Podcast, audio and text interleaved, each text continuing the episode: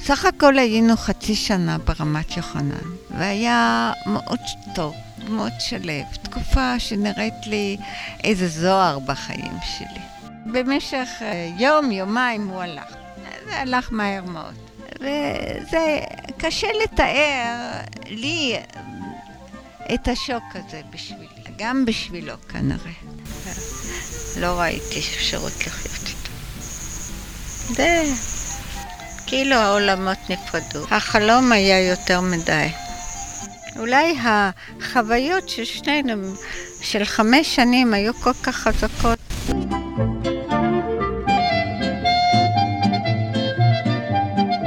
סיפורי שורשים עם עופר שמיר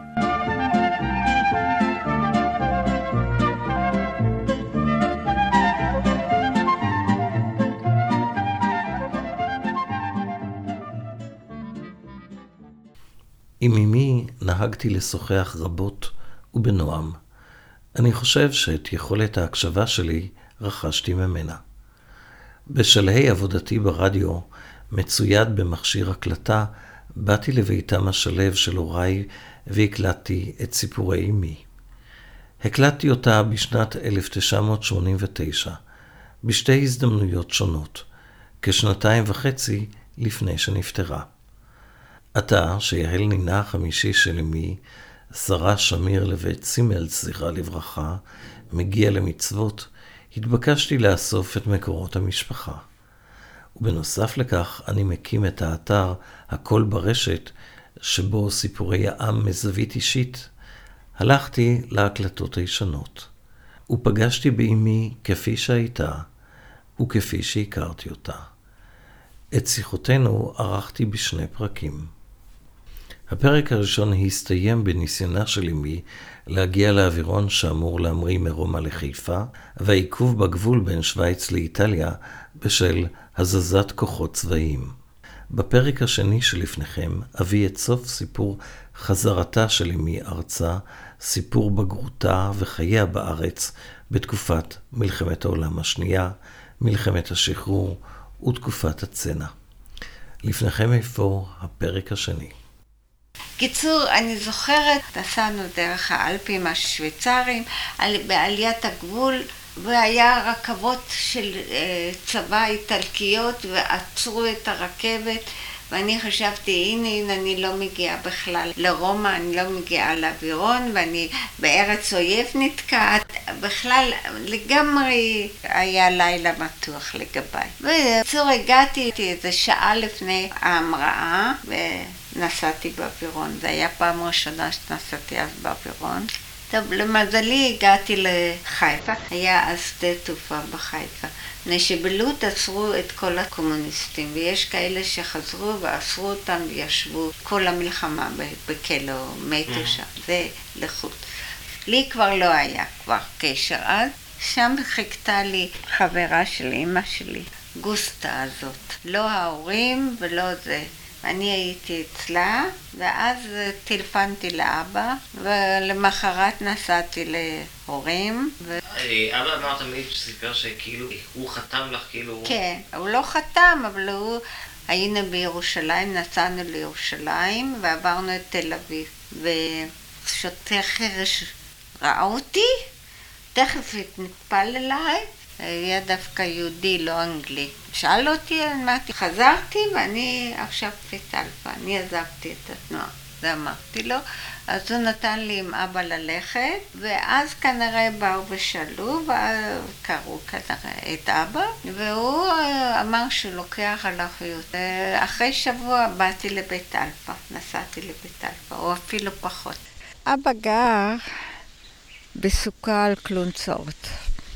ככה גבוה, בחורשה שהייתה בקצה המשק. זה היה צד מערבי של המשק. לסוכה הזו עלו בסולם, ומתחת היה קשור כלב דני, שהוא לא נתן לאף אחד לעלות במדרגות האלה. כלב מאוד נאמן לאבא, יפה. אני לא הייתי רגילה לכלבים.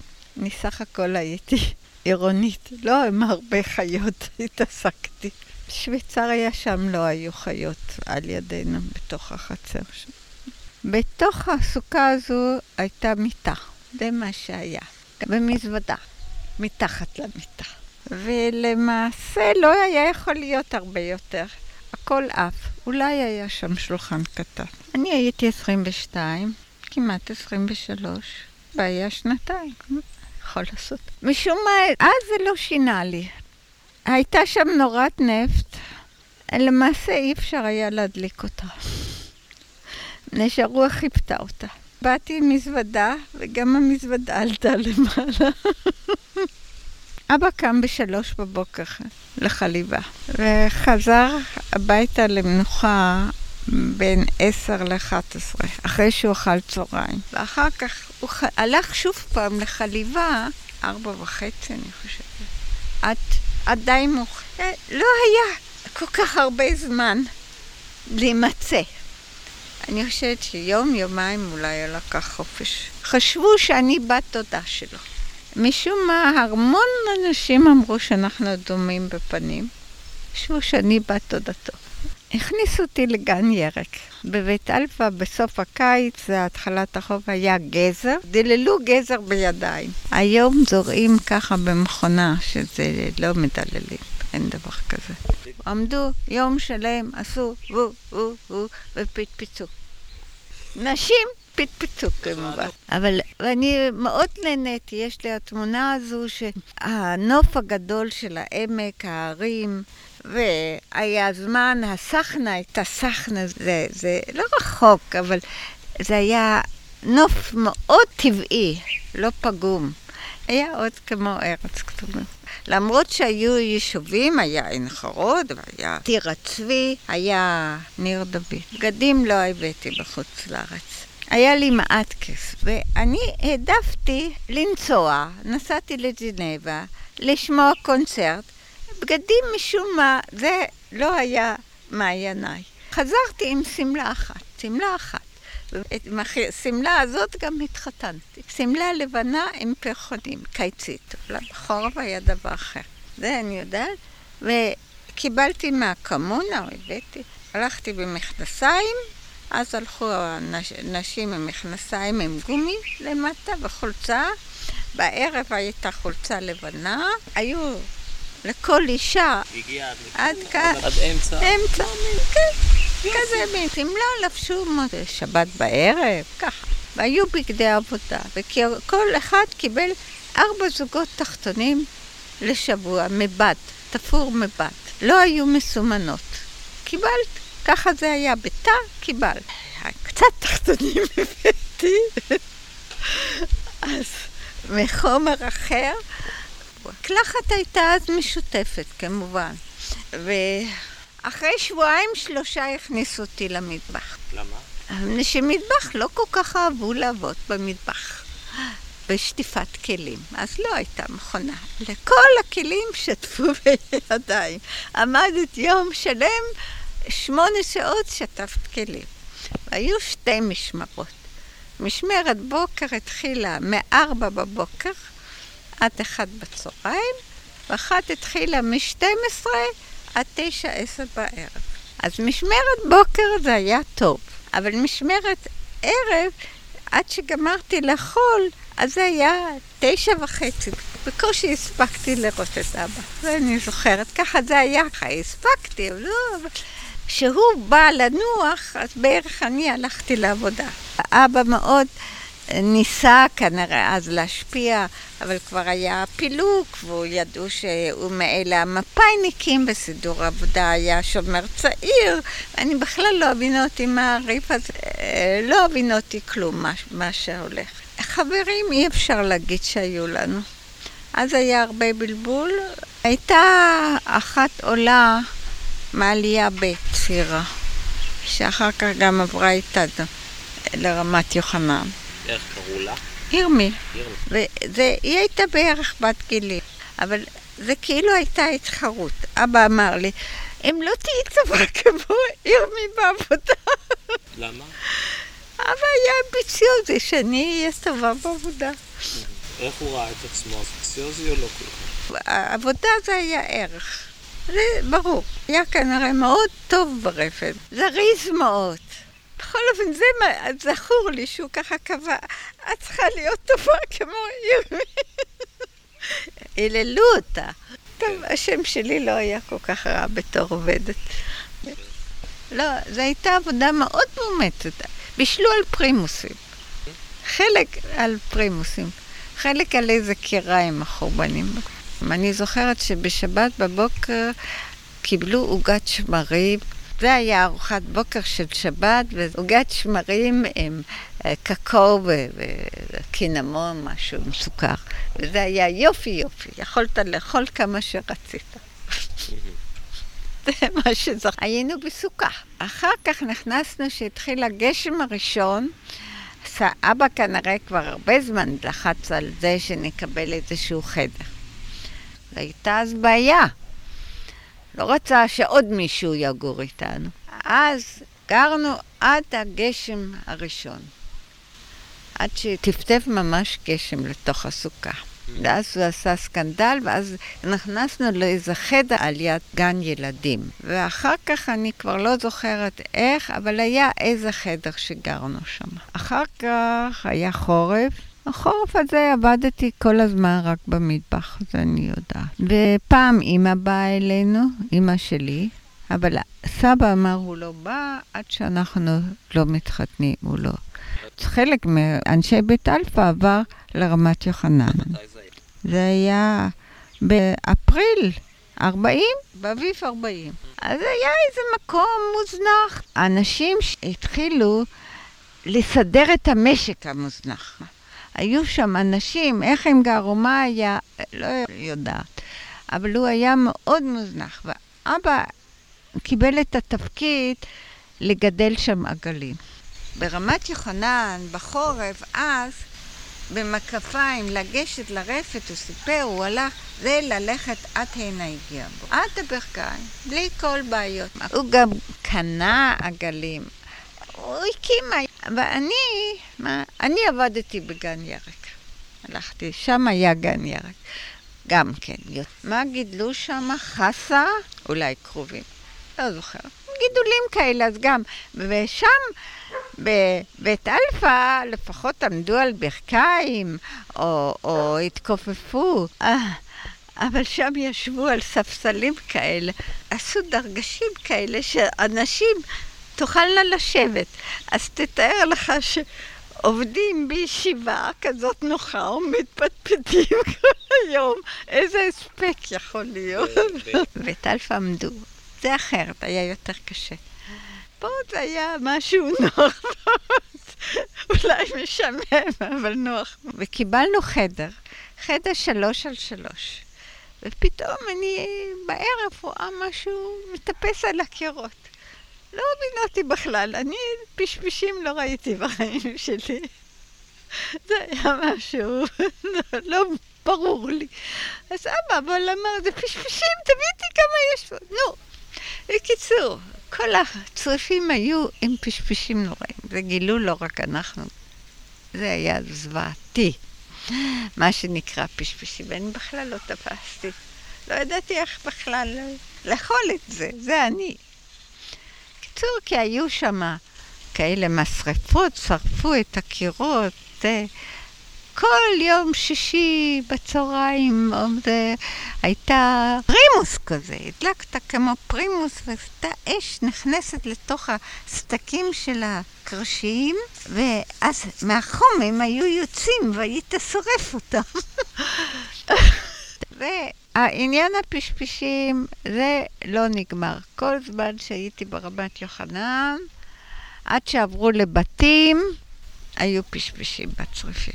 אחרי שבא איתי זה התחסל. זה היה כולם. הוצאת כל שבוע את כל המיטות ושרפתי מלמטה למעלה. המזרונים היו מזרוני קש, זה לא היו מזרונים. גם בבית אלפא, איך באבא סידר עוד מזרון? קיבלו שק, הלכו ומילאו עם חציר, וזה היה לך המזרון. זה הכל. נוח מאוד. כן, זה מה שהיה. וכשזה התיישן, החליפו. מה רע בזה? אני לא אמרתי כלום. זה היה החדר. אחר כך התחתנו. התחתנו פתאום ברגע האחרון, שאחותי רות מאוד לחצה עליי, סבא אה, אומלל, שאת לא מתחתנת, וחווה הייתה בהיריון. חווה לא הייתה נשואה, אבא לא, לא, היא הלכה איתו כמה שנים, אבל הוא לא רצה להינשא לה. שאני, שאתחתן. היא ככה ביקשה, בשבוע האחרון החלטנו.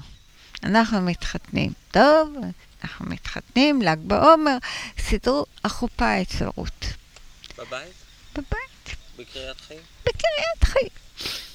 אה, היא תסדר הכל והיא מארגנת. קיצור, לא הייתה לי אפילו טבעת. אז ארגנתי לי טבעת מאחת שהתחתנה, באה לשבוע לרמת יוחנן, זה רק בתור מצב עובר. הנישואים שלה היו פיקטיביים, בשביל לעלות לארץ. ממנה לקחתי את הטבעת. שתהיה לי טבעת. שזה בכלל לא היה לי נאה שתהיה לי טבעת. מה, זה צריך להיות טבעת? זה לא, המושג הזה, להרבה מאוד לא היה טבעות, לא התחתנו עם טבעת. מה, מי התחתן בכלל? בשביל מה זה? טוב, אם חיים ביחד, אז חיים ביחד, והם הולכים, אז הולכים. מה צריך את כל זה?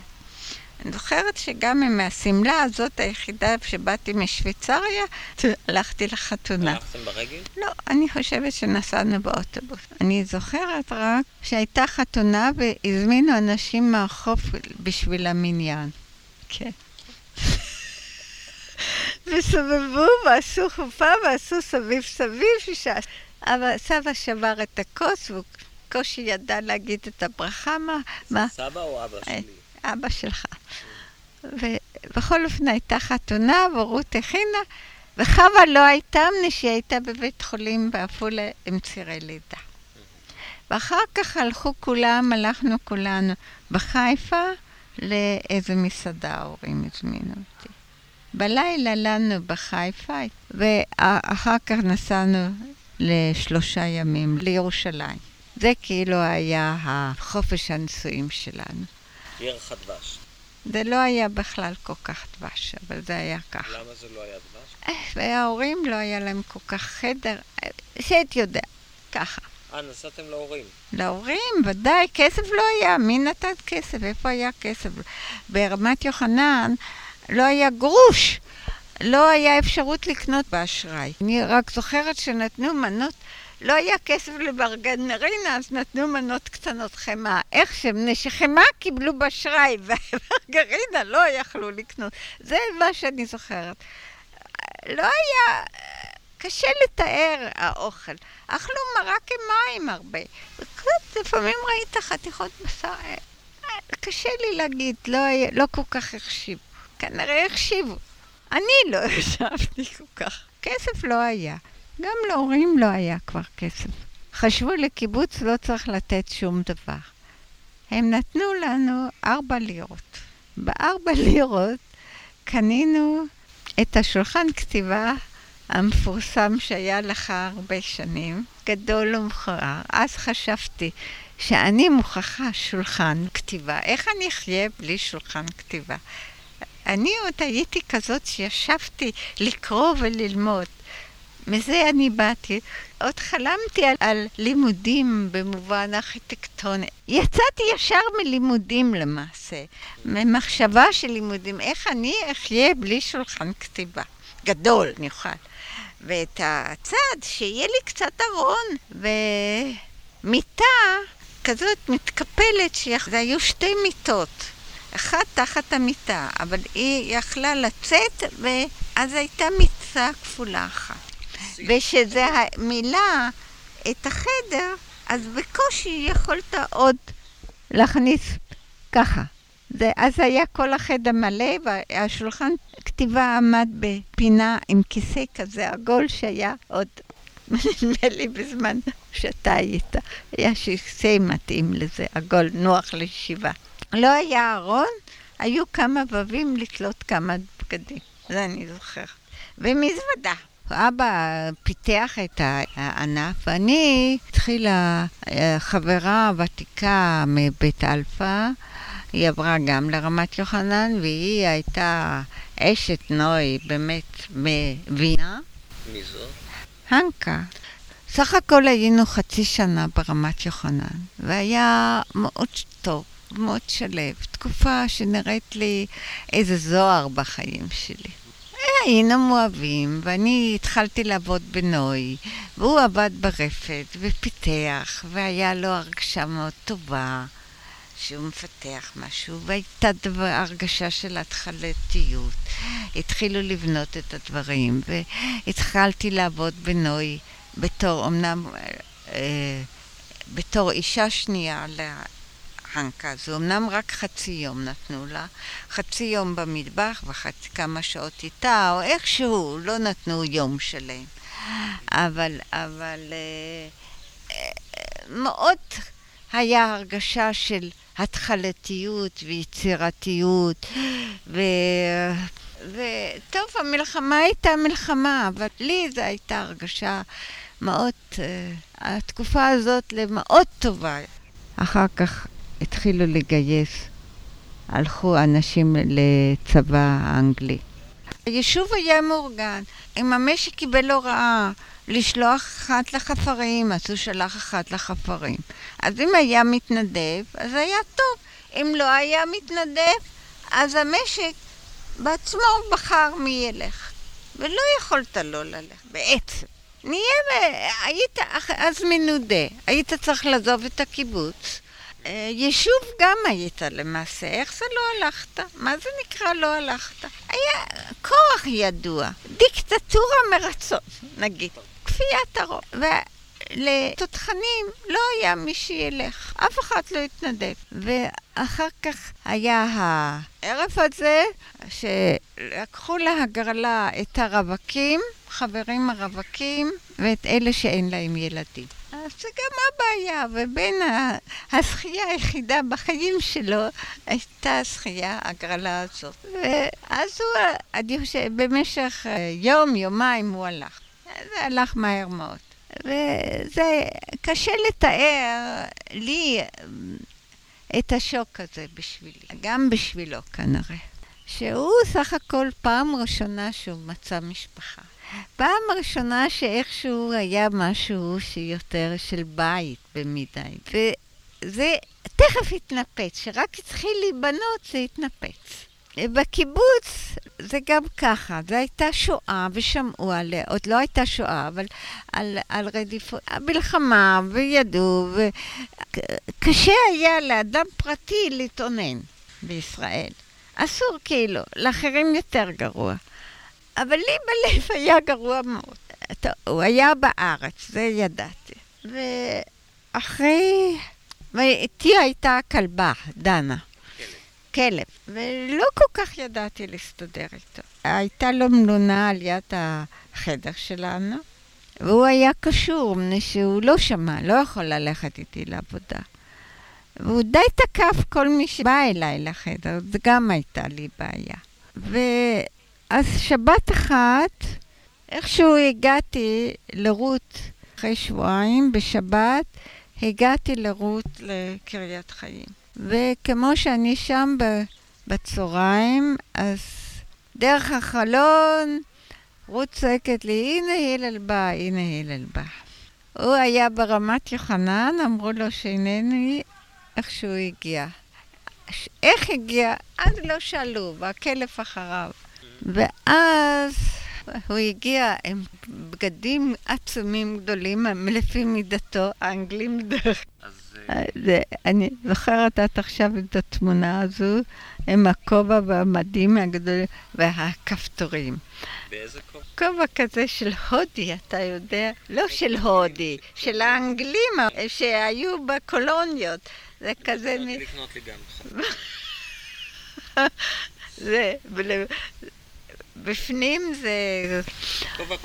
פקק. כזה, כן, פקק כזה. אבל הכי הכי זה הכפתורים. והכפתורים האלה היו צריכים להיות מבריקים. היה לו חופשה כל שבועיים בשבת, היה על הכרמל למעלה, איפה שעכשיו מנזר, סטלה מאלי. שם היה, ושם היו מוצבים התותחים משקפות בשביל לראות את הים, שלא תיכנס איזו ספינה עוינת. זה למעשה לא היה משהו, יודעת. קיבל פעם בשבוע, או פעמיים, לא זוכרת, חופשה אחרי הצהריים. כשהוא בא לרמת יוחנן, הוא ראי, צריך היה ללון. הוא לא... זה היה צריך לבוא ביום שישי ולחזור במוצאי. זה היה פעם בשבועיים. אבל פעמיים בשבוע, נדמה לי היה לו חופשה אחרי הצהריים. בכל אופן, פעם בשבוע נסעתי תמיד לחיפה. זה היו ידידים של הוריי, והם באמת השאירו לי חדר פנוי לנו. זה היה. הייתה להם דירה גדולה של חמישה חדרים, והם השאירו לנו חדר והיינו, לפעמים יצאנו.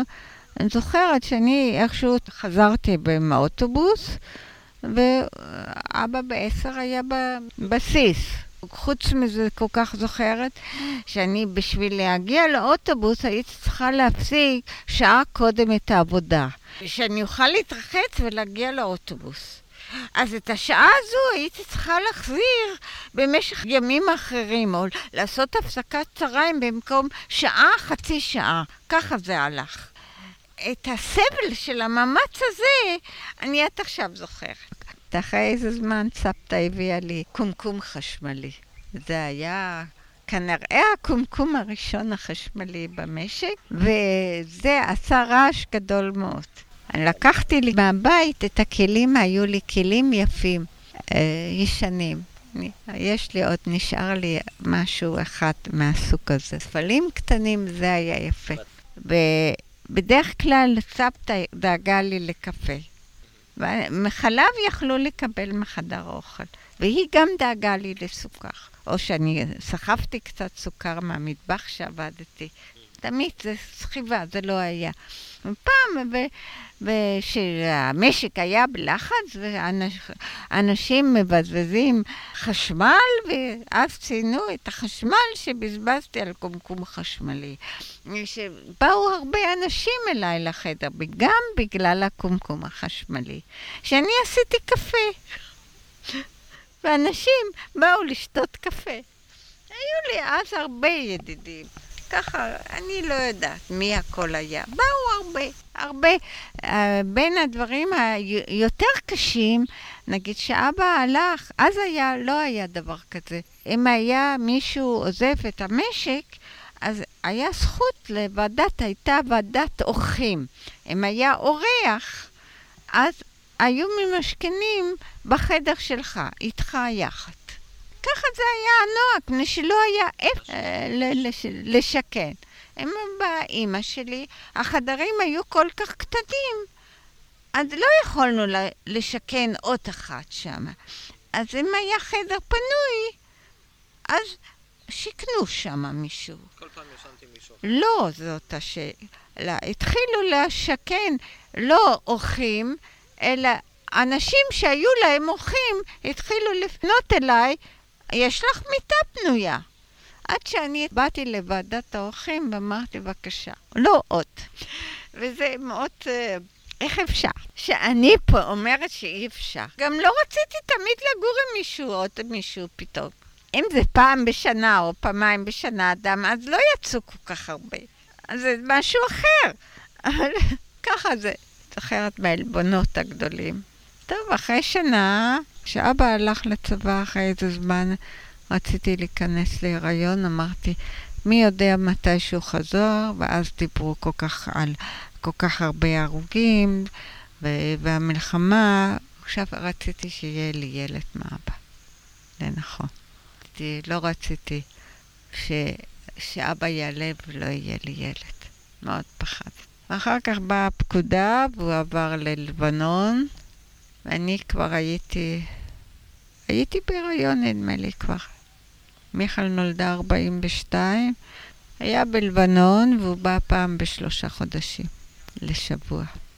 בשביל שאני אהיה פנויה בשבוע הזה, הצלחתי לאסוף לי חמישה ימי שבתות. זאת אומרת שעבדתי את את ה... בשבועות שהוא לא היה, עבדתי רצוף בשביל לאסוף את, ה... את השבתות. לא חשבו על זה שאני צריכה את החופש הזה. למה לא אמר? לא היה מה להגיד, אז בכלל זה לא היה, לא היה. הכל היה קטן, כל כאב היה קטן לעומת מה שנעשה באירופה. אתה מבין? הייתה איזו השוואה ידועה. אתה חיית עם ההשוואה מה נעשה, כמה טוב לך ומה ההשוואה מה שנעשה באירופה. וכמה טוב שהוא רק בלבנון. זה באופן אישי. אני זוכרת שבחגים תמיד חיילים הגיעו הביתה, מכל מיני. מהארץ התגייסו בינתיים יותר, ואבא אף פעם לא הגיע בחגים. אני זוכרת בא עוד חייל ועוד חייל, ואבא כמו שהוא כותב מעט, מעט מאוד, לא יודע לכתוב. ומה אני אגיד? לא אגיד לך שהייתי תמימה תמיד, ותמיד הייתי מחכה לאבא. לא צריך להגזים. לא זה, היה עוד אבל גדול בקיבוץ. גרתי בחדר שלוש על שלוש, אבל זה נחשב גדול מדי. היה חדר שתיים. אחד וחצי, וערב צריף שם מכור, אז העבירו אותי לשמה. ושמה שאבא בא, זה לגמרי, הל- או סבתא, אז הם לגמרי הלכו המיטות מקיר לקיר. אז גרתי, עברתי בהיריון גבוה, עברתי לחדר ההוא. הייתי אולי בחודש שביעי כבר, וזה היה רחוק מחדר האוכל. ובלי שבילים, לא היו שבילים ברמת יוחנן בכלל, אבל בחורף, ב- ללכת בבוץ עד חדר האוכל, ובוץ זה אומר בוץ, ככה את המגפיים, כלומר, כמעט עד הברכיים? אה, חצי, היה ממש בוץ חלק. זה אמר משהו. ולחלוץ, לא יכולת לצאת מהצריף בכלל צעד בלי להיכנס למגפיים. וזה היה כזה מין צריף קיצוני כזה, מה אני אגיד לך? זה לא, לא היה איפה כנראה לה, להכניס אחרים. אבל זה זכור לי מאוד לקושי כזה. הת- העברה והצריף והזה. ואני עבדתי בחדר אוכל, כבר לא עבדתי בחוץ. ואחר כך כבר הגיע הזמן שאני צריכה ללדת, והבית חולים שאני צריכה ללדת בו זה עפולה. אנשי רמת יוחנן ילדו בעפולה. איפה ההיגיון בזה? לא יודעת, ככה זה היה. איש בכלל לא כל כך הרבה הסביר לי על לידה, ולא ידעתי הרבה על לידה. אחד מחברי בית אלפא לשעבר התגורר במושב מרחביה, הקרוב לבית החולים בעפולה. לאמי הוצע לשהות בביתו בימי הריונה האחרונים. הייתי שם עד שסוף סוף, לילה אחד, תיארתי אותו, רתם עגלה, פלטפורמה וערימת קש, וככה הושיבו, ותתאר לך, ככה נוסעים, היה ליל ירח למזלנו, ונוסעים, זה בכל זאת בעגלה, די דרך מרחביה לעפולה היה. ודאי נסעו ש- חצי שעה, שלושת רבעי שעה, אני לא יודעת. ככה הוא הביא אותי. ואחר כך מיכל נולדה. היה גשם למח... אחר כך. היא נולדה, נולדה גדולה. אחרי חמישה ימים חזרתי כבר, החזירו הביתה. עכשיו זה ברור, אבל אז זה היה לא רגיל כל כך. נו, טוב, ביקרו אותי מרמת יוחנן, ודאי, באו, ביקרו, ביקרו, אה.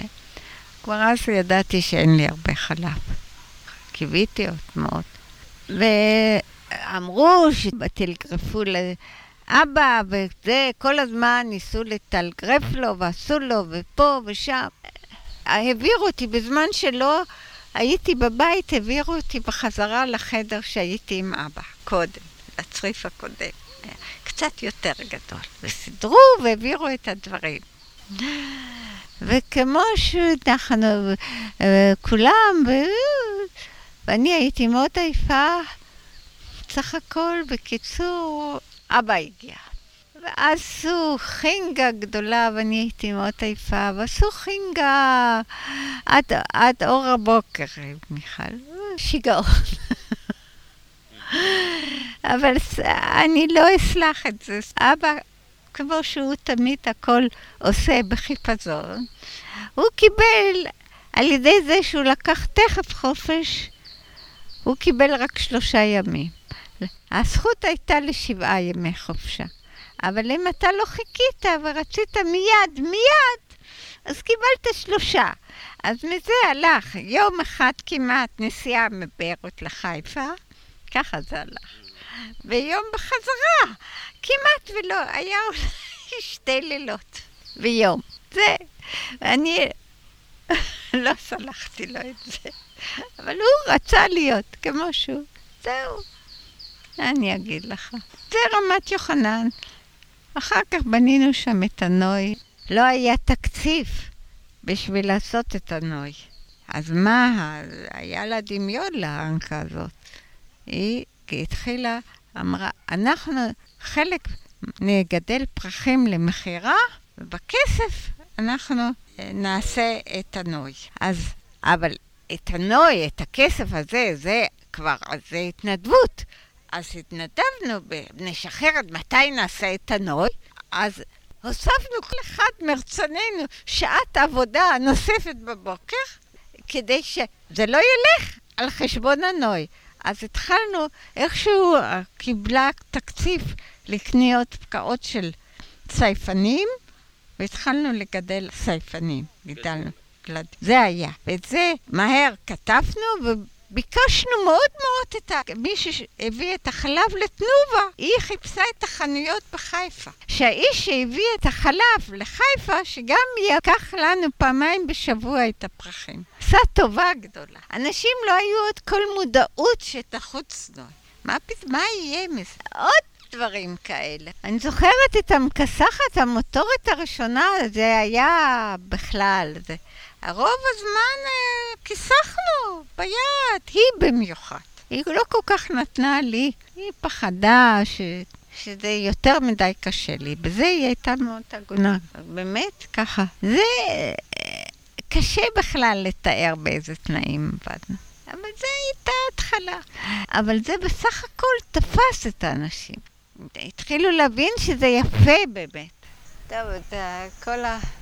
שנים של המלחמות עם ההפעלה והפחד הגדול שהפציצו את, את uh, בתי זיקוק בחיף. הלוא זה היה עליית רמת יוחנן. היה גרמניה נכנעה. היה ברור שלא ישחררו חיילים עד שלא היפנים אה, ייכנעו. ולי זה היה כבר מעל ומעבר. אני זוכרת שהייתה הפצצה על הירושימה אז האכזריות כזו, אני שמחתי. עכשיו אם אני חושבת על זה שאני בו, באותו יום שמחתי, קשה לי להבין את זה, וזהו, שמחתי. סוף סוף יהיה שלום. כשאבא חזר לחצי שנה אני עזבתי אותו. אני לא ראיתי אפשרות לחיות איתו. זה כאילו העולמות נפרדו, ואולי היה בזה, יש בזה עד עכשיו משהו. מעכשיו זה מוגזם, אבל... כאילו, החלום היה יותר מדי. נפרדו איכשהו. לא בדיוק, אבל... וחשבתי שאני יכולה לבנות. גם לא רציתי לחיות בקיבוץ, וגם הכל ביחד. אולי החוויות של שנינו, של חמש שנים, היו כל כך חזקות, בפתי כלא זה אחרת. ואז עברת ליום. אז הייתה זאת הנקה, היא עזבה עוד קודם, והיא שם הקימה גידול אה, פרחים או פקעות. מתי את היית ביום? 46, 48, משהו כזה. ספרי לי קצת על החלטת עצרת האומות, מה, מה היה? הייתי לגמרי במקרה, היה לי חופש שהייתי בתל אביב. אני זוכרת שזה היה איזה שיגעון אחד גדול של האנשים. כן.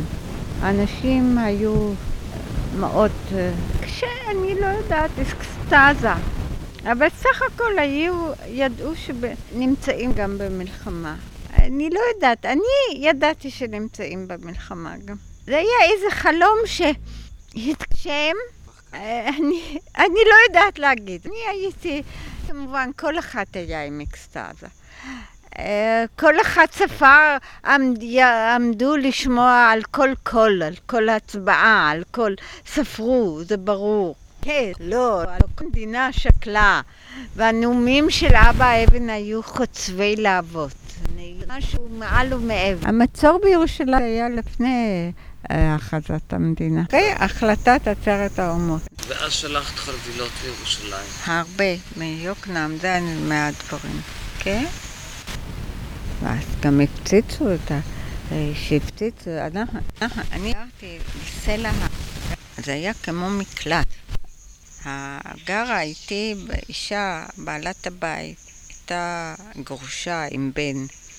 היא גם עבדה אצל אותה רנקה באותה... אז היה לה ילד יותר גדול ממיכל, והיא הייתה חובשת בהגנה. אז היא הלכה להגנה, ואני שמרתי כאילו על הילדים. הערבים היו על הגבעה, הם ירו, הם היו למעלה. הם ירו כל הזמן? לא, בלילות. באמת? כן, הם ירו. אז הם לא ירו כל כך עלינו כמו על משמר העמק, על הזורע. שמעתי את היריות, לא, לא יכולת לדעת, הם יכלו גם ערב להגיע. ערב? ערב? הרבה ערבים, הרבה עמק הזמנים. אחר כך היה פעם, יש כביש ביוקנעם, שחוצה את יוקנעם. אז התחיל, היה הכביש, והמגרש שהיא איבדה שם, זה היו חמישה דונם, אז היה מעבר לכביש הזה. גרתי, היה לי חמש דקות הליכה. אני זוכרת שעבדנו בהוצאת צייפנים או מה, מי שמשהו, ופתאום היו בומים חזקים בחיפה. שמעת מחיפה איזה מין... ואחר כך באו, הודיעו, חיפה נכבשה. איך חיפה נכבשה? כל כך מהר היא נכבשה? כן, חיפה נכבשה. ואחר כך אמרו, כן, מילאו חביות באבנים, בחצץ, וכל מיני, שיעשו רעש גדול, והעמידו מרגמה אחת הייתה, וזה כאילו, הכל היה תותחים ומרגמות, וזה למעשה היה חביות ממולאות, שהורידו מהמדרון היה כזה. בכמה מקומות ביחד, ועשו קצת יריות במערובה ובחו. ערבים בעיר התחתית. לא, מיוקנעם לחיפה, להדר, נסענו במשוריין. בחוף נסעו את הוואדי סלים במשוריין. ואחר כך, יום אחד, אבא בא, אחרי שהתקיפו את משמר העמק, כל פעם התקיפו והתקיפו, הוא לוקח את מיכל הביתה. אז אני אמרתי, לא, אני לא נותנת. הוא חזר ממני לרמת יוחנן, אז הייתה, הוא נכנס לאמצע ההתקפה של על רמת יוחנן. טוב, שמעתי על, כמובן על ההתקפה של רמת יוחנן. אז כבר היינו יותר ב... כבר חשבנו על חזרה, שאני אחזור. אני... בערב הכרזת המדינה, אני בדיוק חזרתי לפני זה. אז נדמה לי שבוע לפני זה פינו את הילדים מיכל כבר הייתה ברמת יוחנן. אבא לקח אותה ואני כבר הייתי בשלבי אריזה לעבור לרמת יוחנן בחזרה, והיא כבר הייתה, אז פינו אותה עם כל הילדים למוסד אהבה בלילה. אחר כך היה לא רק רדיו אחת במשק, וכולם ידעו כבר על הכרזת המדינה, שהאנגלים עוזבים, ואז אני זוכרת, כולם היו בחדר אוכל והייתה הרגשה של הכרזת המדינה, אבל שהולכים למלחמה. שעכשיו האנגלים עוזבים בכלל, ובכלל מלחמה. הכל. לי הייתה הרגשה קשה, כן? מה את יכולה לספר על המצור בירושלים? המצור בירושלים, אז יש הרבה מכתבים שסבתא יכול לקרוא. ואני יודעת שפעם אחת שהייתי כבר אחרי אה, הכרזת המדינה. זה כבר היה אולי יוני, 48, אז לירושלים היו תמיד הפסקות נשק. זה סידרו איכשהו מהאו"ם. אז שהייתה איזו הפסקת נשק, ואז הביאו אספקה לירושלים. ואז יכלו להגיע, מי שהיה לו איזו זכות, משוריינים, הם, האספקה, גם נסעו כמה אוטובוסים, הם נוסעים, בשביל להגיע לירושלים. תמיד היה מלווה עם חיילים, עם ג'יפים, זה היה... פעם נסעתי מרמת יוחנן לירושלים, ואתה מבין, לצד היה... היא אגר... הזאת. הם לא כל כך היו כאלה. סבא תמיד היה אחד שלא אכל כל כך הרבה. אז עליתי, מה אני אגיד? אני יודעת שהיו שכונות ל... אבא הייתה חברה מחברת הילדים, אז היא הייתה בירושלים, גרה עם בנות שלה בירושלים. היא הראתה לי את הפגזים שפגעו בתוך הדירה שלה. זה מה שהיה. ומים במצור חילקו פעם בשלושה ימים, עברו עם חביות של מים, וחילקו לפי נפש. זה היה אה, בקושי לשתייה. זאת אומרת, אתה שתית, מה ששתית, שתית, אבל מה ששייך לרחצה והיגיינה, זה הלך מים ממים למים, ככה זה. אתה אספת כל דבר לדבר אחר. זה, מים הייתה תקופה שהיה רע מאוד בירושלים. זה, אני אגיד. אנשים עמדו אז הרבה יותר בגבורה. הרוב עמד בגבורה. הוריי יכלו לעזוב את, את ירושלים. מגיל 60 יכלו לרדת לשפלה. ככה לא נתנו לרדת. הם לא רצו. הם הסתדרו טוב. טוב, תראה, משהו באמת, אני שלחתי חבילות. אז בכלל היה מזון מעט בארץ. אז מיוקנעם כל הזמן שלחתי. היה לי יותר קל מאשר מהקיבוץ. מהקיבוץ היה יותר קשה. כשהייתה כבר דרך בורמה, אז כבר היה אחרת. עם מים היה גם אחר כך קשה. שניתקו את לטרון. בירושלים אז היה עוד זמן של בורות. אז חלק הבורות היה בחלק הערבי. ופשוט הבורות בסוף הקיץ של 48 יבשו. הובלת מים ממש לירושלים זה לקח זמן. היה קשה. זה אני יודעת. הסבל היה, ואז בכלל מזון היה בארץ. גם היה בתוך מלחמה, סך הכל. אה, קודם הגבולות עם, עם לבנון וירדן היו פתוחים וקיבלו הרבה תוצרת משם. פה הכל נסגר. והבחורים היו במלחמה, המשק לא, עוד לא פעל, היה... אה, לא היה אוכל. אולי היה, לא היה רעב, לא צריך להגזים, היה לחם. אני לא זוכרת שהייתה תקופה שחילקו מנות לחם, זה לא. והיה מרגרינה, לא זוכרת שהיה מחסור של מרגרינה. מכיוון שגרתי בכפר, נגיד ברמת יוחנן היו פירות.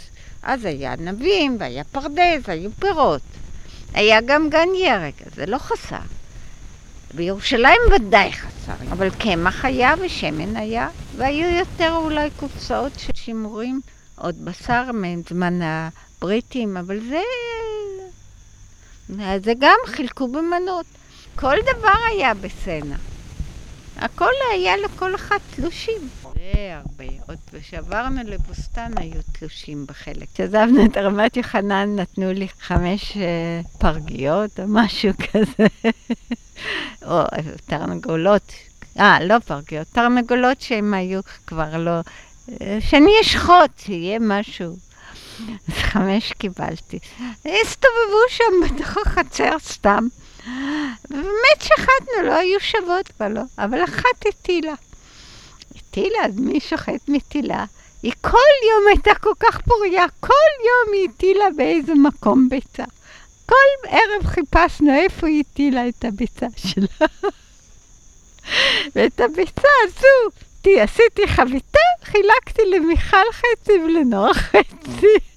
קיבלנו שמונה ביצים לשבוע, זה לא הרבה, נכון? אבל זה לא היה הרבה שיש, שאין שום דבר אחר, ואנחנו היינו בכל זאת ארבע נפשות. בשר, אבא מהר גידל בשר ארנבות, שזה אף אחד מאיתנו לא יכול להסתכל על הארנבות. יותר מאוחר פיתחו משקי עזר, שנה אחר כך היה לנו לול שקיבלנו פרגיות מהסוכנות בתור משקי עזר, והיו לנו ביצים שלנו. משפחתי התגוררה בקריית שטנד כשנתיים, אחר כך עברו למושב בוסתן הגליל, ואני, לאחר שנים אחדות, באתי לעולם. אמי עבדה כגננת נוי ומדריכה חקלאית בפנימיית יד נתן. אבי ניסה לגדל גידולים חקלאיים ייחודיים. בשנת 1976, כשהיו בעשור השביעי לחייהם, עברו לגן יבנה. את השיחות עם אמי הקלטתי בשנת 1989. אמי, שרה שמיר לבית סימלס, הלכה לעולמה ב-27 בדצמבר 1992. אבי, הלל שמיר לבית גלזר, נפטר ב-6 ביוני 2002. יהי זכרם ברוך.